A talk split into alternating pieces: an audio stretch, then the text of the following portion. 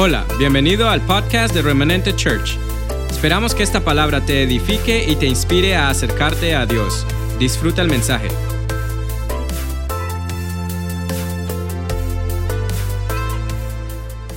Hable. Eso es lo que le voy a pedir. Que le diga, Señor, háblame. ¿Listo? Así que en los próximos minutos Dios va a estar haciendo cosas en su corazón. Y usted déjese guiar por lo que Dios quiere hacer. El título de esta predicación se llama ¿Qué más puedo hacer? ¿Cómo se llama? ¿Qué más puedo hacer? Es lo que me preguntaba una mamá después de haber invertido todos sus recursos en su hijo. Tenía toda la esperanza puesta en él. Y un día el joven le dice que su vida no va a ser una universidad, sino que se va a ir eh, a viajar, conocemos ese término en Colombia como mochilero. Ah, sí, muy típico. Eh, ¿Qué más puedo hacer? Es lo que pregunta una esposa después de haber orado, clamado, intercedido por su esposo y un día él llega con ah, un papel que dice divorcio. ¿Qué más puedo hacer? Es lo que nos pregunta o preguntaba mi hermana mayor esta semana. Ah, hacía algunos meses que su esposo empezó a presentar un herpes muy fuerte en la boca y eh, creíamos que había comido algo afuera en la calle que le hubiese hecho daño. Sin embargo, eh, él es muy cuidadoso. Él es de origen español y él es muy cuidadoso en temas de comida y mi otra hermana que trabaja en una clínica en temas gástricos le dijo, es raro, ¿por qué no me dejas hacerte una endoscopia? Y todo esto concluye en que tiene una leucemia aguda. Así que ella me decía esta semana, después de iniciar el proceso de quimioterapia, ¿qué más puedo hacer? ¿Verdad? En algún momento en nuestra vida, y lo vimos también con empresarios en este tiempo de pandemia, que se hicieron esa pregunta, ¿qué más puedo hacer? Porque lo intentaron tal vez una y otra vez. ¿Qué más puedo hacer? Ahora, que usted haga esa pregunta es una cosa, que Dios la haga es otra. Vamos a ir por favor al libro de Isaías, capítulo 5, versículo 1. Le pido al Espíritu Santo que les hable, que yo cierre mi boca y Él la abra para para Él usarla. Amén. Hablo de mi humanidad, que Él sea sujetando toda mi humanidad Él. Isaías 5.1 dice, ahora cantaré por mi amado el cantar de mi amado a su viña. Tenía mi amado una viña en una ladera. ¿Cómo era la ladera? Fértil, ¿verdad? La había cercado, la había despedregado y plantado con vides escogidas. Diga, vides escogidas y había edificado en medio de ella una torre para vigilarla de los cuervos. Hecho también en ella un lagar y él esperaba que diese uvas y dio uvas. Él dio uvas, pero uvas agrias, uvas silvestres. Yo no sé cuántos han tenido esa sensación de mandarse una uva a la boca y usted dice, ay, qué rica, sabe a limón un poquito más agrio con limón. Uvas silvestres. Ahora pues, vecinos de Jerusalén y varones de Judá, juzgad ahora entre mí y mi viña. Imagínate a dónde llevó eso. Él lo llevó a juicio y dice, ¿qué más se podía hacer a mi viña? ¿Qué más puedo hacer a mi viña que yo no haya hecho en ella? ¿Cómo esperando yo que diese uvas, ha dado uvas silvestres. Es un canto, es una parábola, es una ciencia. Él está comparando las uvas con su pueblo. Y las uvas en la Biblia se comparan con las mujeres. Y no por su forma. Tranquilas. Algunas estará diciendo, ah, no, tranquila. Sino por su jugo. Porque la Biblia dice, tu mujer será como vid que lleva frutos a los lados de tu casa. Ahí sí les gustó, yo sabía que le iba a organizar. Estaba en mi mente, Señor, ayúdame. Pero ahí está el Señor esperando y las uvas se comparan a las emociones también, porque la Biblia habla de que Él derramaría de su cáliz, de, de su copa. Pero en este caso está hablando de nosotros y el Señor pregunta y dice, ¿qué pasó? No sé cómo se diga en inglés, pero usted lo entiende. ¿Qué pasó? ¿Por qué si yo te labré? ¿Por qué si yo te despedregué? ¿Por qué si yo te cuidé? Yo levanté una torre que tipifica a Cristo. Yo, yo, yo preparé todo un escenario para tu bendición. Yo preparé toda tu genética. Yo preparé todo tu éxito. Yo escogí las, las, las, las mejores semillas. Yo las escogí. Y el Señor pregunta en esta mañana, ¿qué más puedo hacer por ti? ¿Qué más? ¿Qué hace falta? ¿Qué faltó? ¿Qué faltó? ¿Qué pasó? Cuando preparaba esta predicación, usualmente un texto se relaciona con el otro fácilmente. Pero esta predicación tiene en especial que los textos que Dios me dio, ninguno se compara con el otro. O sea, no hay algo como paralelo, sino que fue dada por momentos para, para prepararla. Y el Señor me preguntaba a mí, porque al primero que el Señor le predica es a uno, y el Señor me decía, ¿qué falta en ti? ¿Qué te hace falta? ¿En qué fallé contigo? ¿Qué más puedo hacer? Si yo te cuidé, te cerqué, te rodeé. Si el diseño que yo te entregué de familia era perfecto, ¿qué faltó? Si el diseño que te entregué para tus hijos era perfecto, ¿qué faltó? Si, si el diseño que yo te entregué a nivel empresarial es perfecto, ¿qué faltó? Y luego me llevó a otro pasaje para responderle esto. Jeremías 2.13. Jeremías 2.13 dice, porque dos males ha hecho mi pueblo. Me dejaron a mí fuente de agua viva y cavaron para sí cisternas, cisternas rotas que no retienen agua. ¿Qué pasó? El versículo siguiente, y ahora nos vamos a devolver, ¿es Israel siervo? ¿Es esclavo? Porque ha venido a ser presa. ¿Qué pasó? ¿Qué sucedió?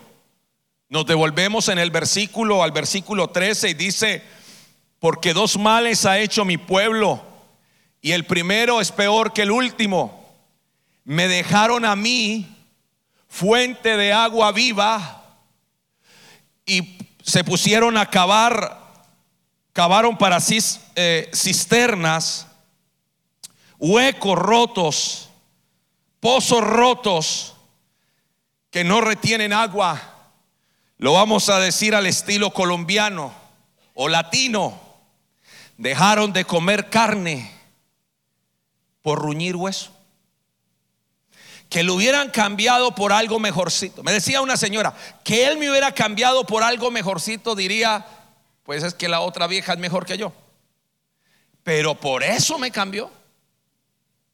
Y el Señor en la palabra se lo dice de esta manera, porque pregunta por qué dio uvas agrias, porque estamos cavando pozos, pozos secos o huecos que no retienen agua cuando Él es tu fuente. Entonces vamos a aprender aquí un poco cómo funciona el cerebro humano. Una de las cosas que hace el enemigo es crearte a ti una necesidad que no tienes. Escuche esto. Es crearte a ti una necesidad que no tienes como propaganda de televisión. Para todo lo demás existe Mastercard. Porque te crea la necesidad de que necesitas algo. Con que Dios le dijo que no puede comer del árbol de la ciencia del bien y del mal. Con que Dios le dijo, sino que sabe Dios que el día que de él comieres serán abiertos vuestros ojos y seréis como Dios sabiendo el bien y el mal. Pero tonto es el enemigo, pero más tonto el que le cree, porque ya eran como Dios. Entonces el enemigo crea un sistema que te hace creer y te da la idea de que te hace falta algo. Porque muy tonto es la persona que deja una fuente por ir a cavar pozos. Esta es la manera en que el enemigo opera. Hay dentro de su cerebro, está la parte frontal, vamos a voltear la parte frontal y debajo hay un sistema pequeño, sistema límbico, un sistema de percepción y junto a él hay una cosa que se llama la amígdala. Y la amígdala activa en nosotros un sistema de defensa. Ella misma es la estimuladora de la, de la hormona del estrés, el cortisol, la adrenalina y ella, ante una situación que ve amenazante, se activa e inmediatamente pone tu cuerpo en defensa. Ante un momento de estrés o de ira, usted sentirá que su piel se pone fría, pues, pero sentirá más fuerza en sus músculos. Y esto es lo que hace la amígdala. Te pone en un estado de huida, te pone en un estado de, de correr, de abandonar, de abortar, porque tienes miedo, porque el miedo es una manera que tiene el ser humano para protegerse, para evitar. Pero hay una cosa que pasa con la amígdala cuando se activa este sistema y es que anula la convicción o la fe. Porque para ella lo más importante es huir, protegerse, correr. Entonces cuando estamos, todo está bien, pero y crees en el Señor y caminas con Él, pero cuando vienen momentos de estrés, de angustia, de incertidumbre, la amígdala activa un mecanismo de huida y hay personas huyendo de la fuente de vida de hacia donde tendría que correr y corre a los pozos creyendo que no es suficiente Dios, sino alguien más como la mujer samaritana pasando de pozo, perdón, de marido en marido, de pozo en pozo porque nada la llenaba y estaba en huida. Cuando no sepa qué hacer, deténgase, humíllese y busque a Dios. Está comprobado que la oración hace entrar en reposo al ser humano. Pero el problema, amados, es que estamos en huida y mucho de esta huida está solo en su mente. Algunas parejas les he dicho, se acabó la guerra, pero ellos creen que todavía están en guerra y que tienen que defender algo y les digo, ya Dios trajo la paz a su hogar. Amados, ¿por qué, por qué esa alteración de uvas dulces y salen agrias? Porque empezamos a beber de aguas no salutíferas, no agua de bendición, sino de pozo. No es lo mismo usted comerse un pescado, un pez de mar, a comerse un pez de río. Y no es lo mismo comerse un pez de río a comerse un pez de un lago. ¿Por qué? Porque el pez del lago sabe más a tierra. ¿Cuál es el problema de estos pozos? que no retienen agua. Y el enemigo te ha hecho creer en tu sistema de creencia te ha hecho creer que Dios no es más que suficiente. Pero tengo noticia para ti en esta mañana. Dios es más que suficiente. Él es Dayeno. Él es más que suficiente.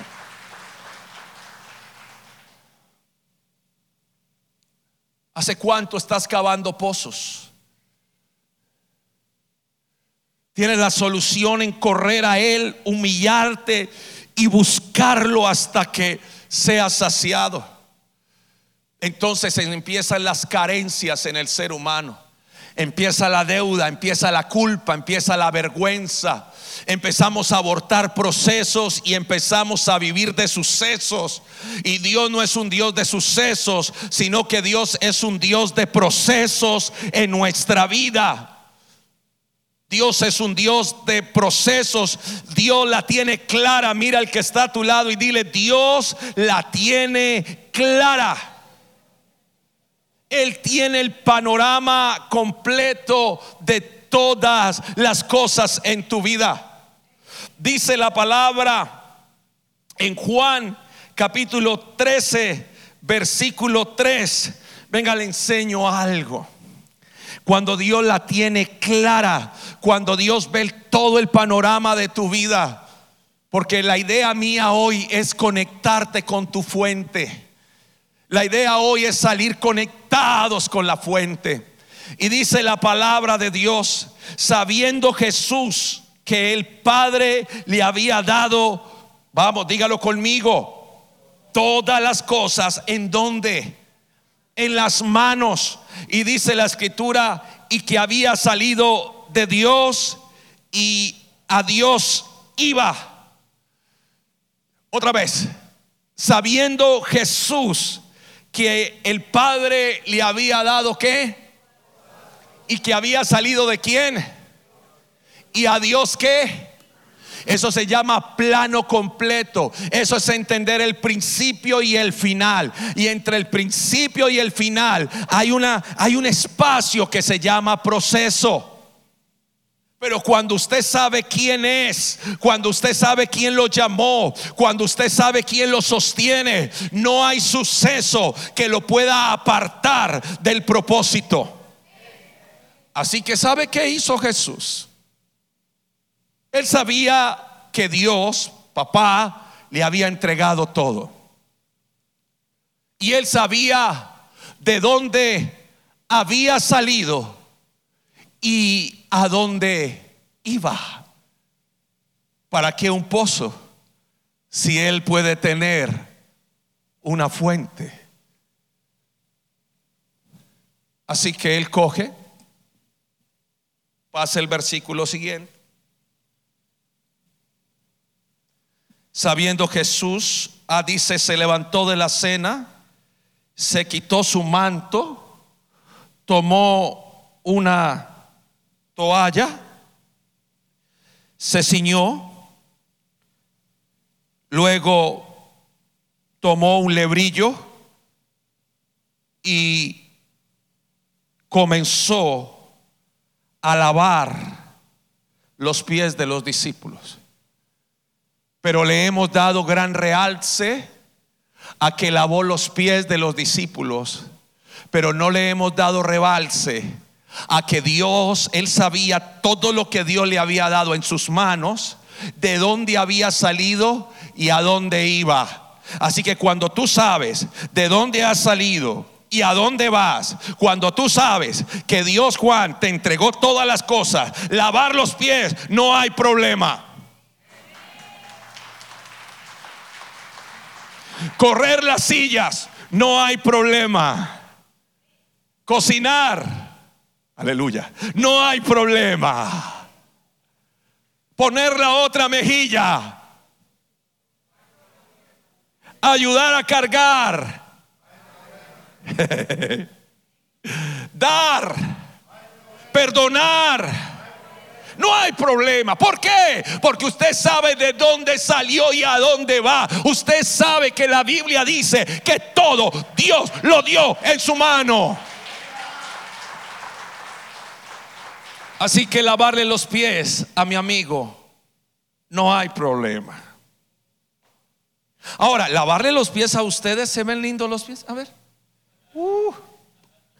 lavarle los pies a esos hombres, había que hacerlo con lebrillo, papi. Había que, ¿ah?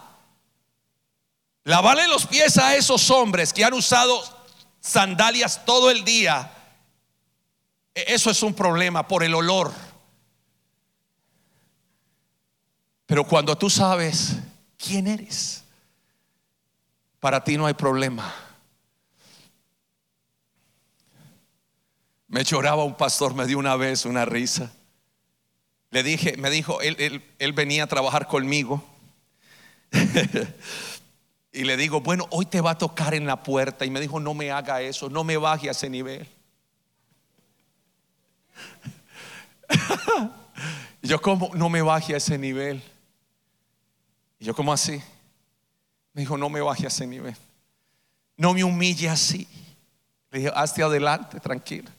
Pero cuando él vio que nos paramos atrás, se fue para atrás y me dijo, perdóneme, páseme ese trapo. Amados, revuelque el que está a su lado y dile, tú sabes quién eres, tú sabes para dónde vas, tú sabes quién te llamó, tú sabes quién te sostiene, tú sabes lo que Dios te entregó. Así que no hay problema por la circunstancia.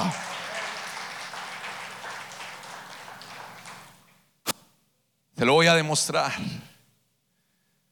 La Biblia dice, como eh, segunda de Pedro 1:3, uno de mis textos favoritos, como todas las cosas que pertenecen a la vida y al buen vivir, ahí dice piedad, ¿verdad? Al buen vivir, dígalo conmigo, nos han sido dadas por su divino power mediante el conocimiento, mediante lo conoces, el que te llamó a su gloria y excelencia. Y miras tu bolsillo y mira lo que tienes puesto y dice, lo debo. Pero usted sabe quién lo llamó. Usted sabe que lo que está viviendo está dentro de un proceso, aunque usted lo vea como circunstancia. Y los procesos en Dios promocionan. Así que si te piden hacer algo, usted no sabe quién soy yo. Yo sí sé. Por eso le pido que lo haga. Porque yo sé quién es usted. Es que usted no sabe cuántos títulos tengo.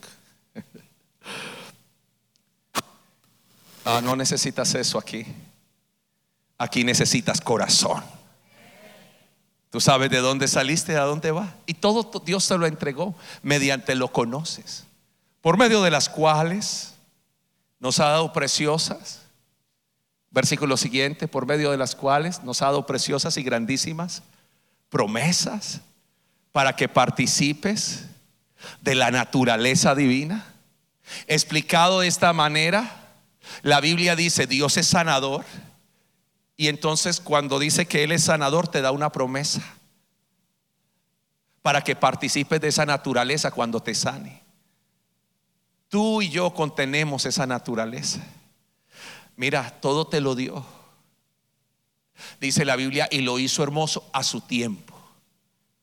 Pero es que no lo veo a su tiempo. Pero es que lo necesito ahora a su tiempo. Pero es que lo quiero ya, pataletoso, a su tiempo. Todo tiene su qué? Su tiempo. Entonces, como eres pataletoso o pataletosa, ¿cómo se traduce eso? Como eres caprichoso, abortas procesos, abortas procesos, abortas procesos. Y el que aborta el proceso no disfruta. Está recalentado como motor de los 80. Está recalentado, no aborte. Revuelque el que está a su lado, por Dios, dígale, no abortes el proceso. No lo abortes. No lo abortes. No corras a cisternas rotas. ¿Para qué? Si tú tienes la fuente ¿para qué correr a cisternas rotas? Entonces corres a un pozo, al otro y al otro cuando Dios dice, hey, yo soy tu puente. Ven. Porque hay pozos más secos que el tuyo.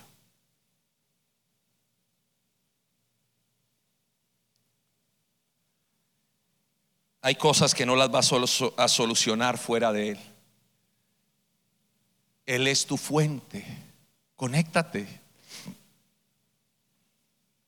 Conéctate. Conéctate. Tendría mucho que decirles referente a personas que se desconectaron. ¿Qué empiezo a ver una persona que se desconecta? Ansiedad. la, la frustración, la ira aparece, el temor. Te desconectaste de tu fuente. Te desconectaste de tu fuente. Y si te desconecta de tu fuente, ¿Qué pasa con la batería de un celular cuando la desconectas de la fuente? Se empieza a qué? Gracias. Algunos están acá descargados. Pero en esta mañana, Dios quiere que te conecte. Mira el que está a tu lado y dile. Conecta allá a los que están en casa. Conéctate a la fuente. Vamos a cerrar el sermón, por favor. Quiero orar. Quiero que oremos. Y vamos a tener ese tiempo. Isaías 61, 4, por favor. Isaías 61, 4. Les decía ahora lo de la amígdala. ¿Qué pasa cuando la persona entra en ansiedad? Bloquea la fe. Su sistema de creencias se bloquea de tal manera que usted quiere oír. Y Dios le dice, oh, se lo voy a demostrar con Pedro. Pedro dice, si eres tú, manda que yo vaya. Y el Señor, ¿qué le dice? Venga. Y el hombre está mirando a su fuente. Y está mirando a su fuente. Pero cuando él está mirando la fuente, él está ahí mirándola. Dice que empezó a observar los vientos, la marea y tuvo, se desconectó de qué? Claro. ¿Qué afectó su sistema de qué? De creencia, porque se desconectó de qué? ¿Qué pasa cuando te desconectas? Empiezas a qué? A huir, a que, claro, y bloquea qué? La fe, la creencia se bloquea porque usted quiere huir. Solo mira nuevamente a Jesús. Conéctate con Él. Conéctate con tu fuente. Escúcheme. Comprobado. Tu temperamento, tu genio cambia. Empiezas a entrar en una paz, en una convicción. Mira al que está a tu lado y dile, yo sé de dónde he salido y para dónde voy. Vamos, díselo, díselo. Yo sé de dónde he salido. Ah, y otra cosa. Otra cosa, dile, Dios me dio todas las cosas. ¿Listo? Ok. Isaías 61, 4. Aquí está su acción. No, esto no solamente es inspiración. Diga, esto es acción. Listo, vamos a iniciar. Uno, reedificar, dice el Señor en esta mañana. Dice el Señor, reedifica. Number one, reedifica. Hay que reedificar. Número dos, hay que levantar. ¿Lo dice o no? Hay que empezar a levantar. Hay que hacer una acción. Número tres, hay que restaurar. Pero para restaurar no se mira hacia el pasado, se mira hacia dónde? Hacia el futuro. Porque todo lo que Dios restaura lo vuelve mejor. Y por último, hay que botar los escombros. Hay que hacer una limpieza. ¿Escuchó? De tanto pozo que usted bebió, hay que desparasitarlo. Hay que empezar una limpieza, un detox creo que se llama. Hay que empezar una reingeniería hay que, ese estomaguito no crea que está gordito, está lleno es de parásitos. Hay que bajarle a esto.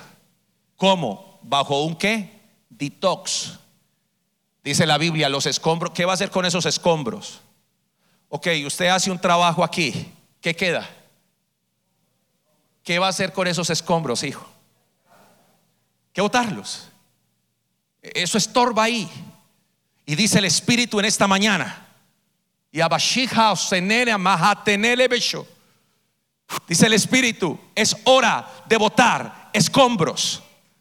Es hora de botar lo que te limita, lo que ya no, no va, no va. Ah, Vamos a conectarnos con nuestra fuente. Vamos a estar bajo la fuente. Vamos a seguir el proceso, lo que Dios determinó para ti. Porque tú sabes de dónde saliste y a dónde vas. Tú sabes que Dios te entregó todo en tus manos. Tú no mendigarás. Tú no dirás, es que esto, ¿y por qué pasó esto? Señor, todo nos ayuda bien a los que te amamos. Señor, gracias. Gracias, Padre. Tal vez no tengo el carro que quiero, la casa que quiero, la suegra que no sé, pero pero usted le dirá, Señor, esto es parte del proceso. Gracias. Me conecto a mi fuente. Dejo de estar bebiendo pantano. Dejo de estar mirando a ver qué queda ahí. Cuando puedes venir a Él. Lo que hace, cómo reacciona, cómo habla, cómo te expresa. Me hace saber si estás en la fuente o estás en el pantano. Acciones que el Espíritu Santo pide esta mañana. Número uno, reedificar. Hagamos de nuevo. Número dos, levantar. Número tres, restaurar. Usted cada uno hará lo que le corresponde. Alguno tiene que reedificar su hogar, otro levantar, otro tendrá que restaurarlo y otros tendrán que botar escombros, cosas que no van. Ay, mire, escúcheme la sensación que a uno le da cuando evacúa es maravillosa. Cuando usted se baña, lo fresco que queda es maravilloso. El, ser humano se complace en eliminar. ¿Para dónde va? Ay, ya. Y sale y ya. ¿Por qué? Porque uno se complace en eliminar. Mientras usted no elimine, se elimina. Y se orina. Tienes que aprender a eliminar. Y no voy a dar más clase de eliminación. Aprenda a eliminar. No, pero yo voy a ver cómo pasa. Ay, ¿cómo va ese pasado? No, usted ya eliminó. Mira que está a su lado. Delete. No sé si se diga así. Aleluya. Elimine. Diga, se elimina de mi vida eso.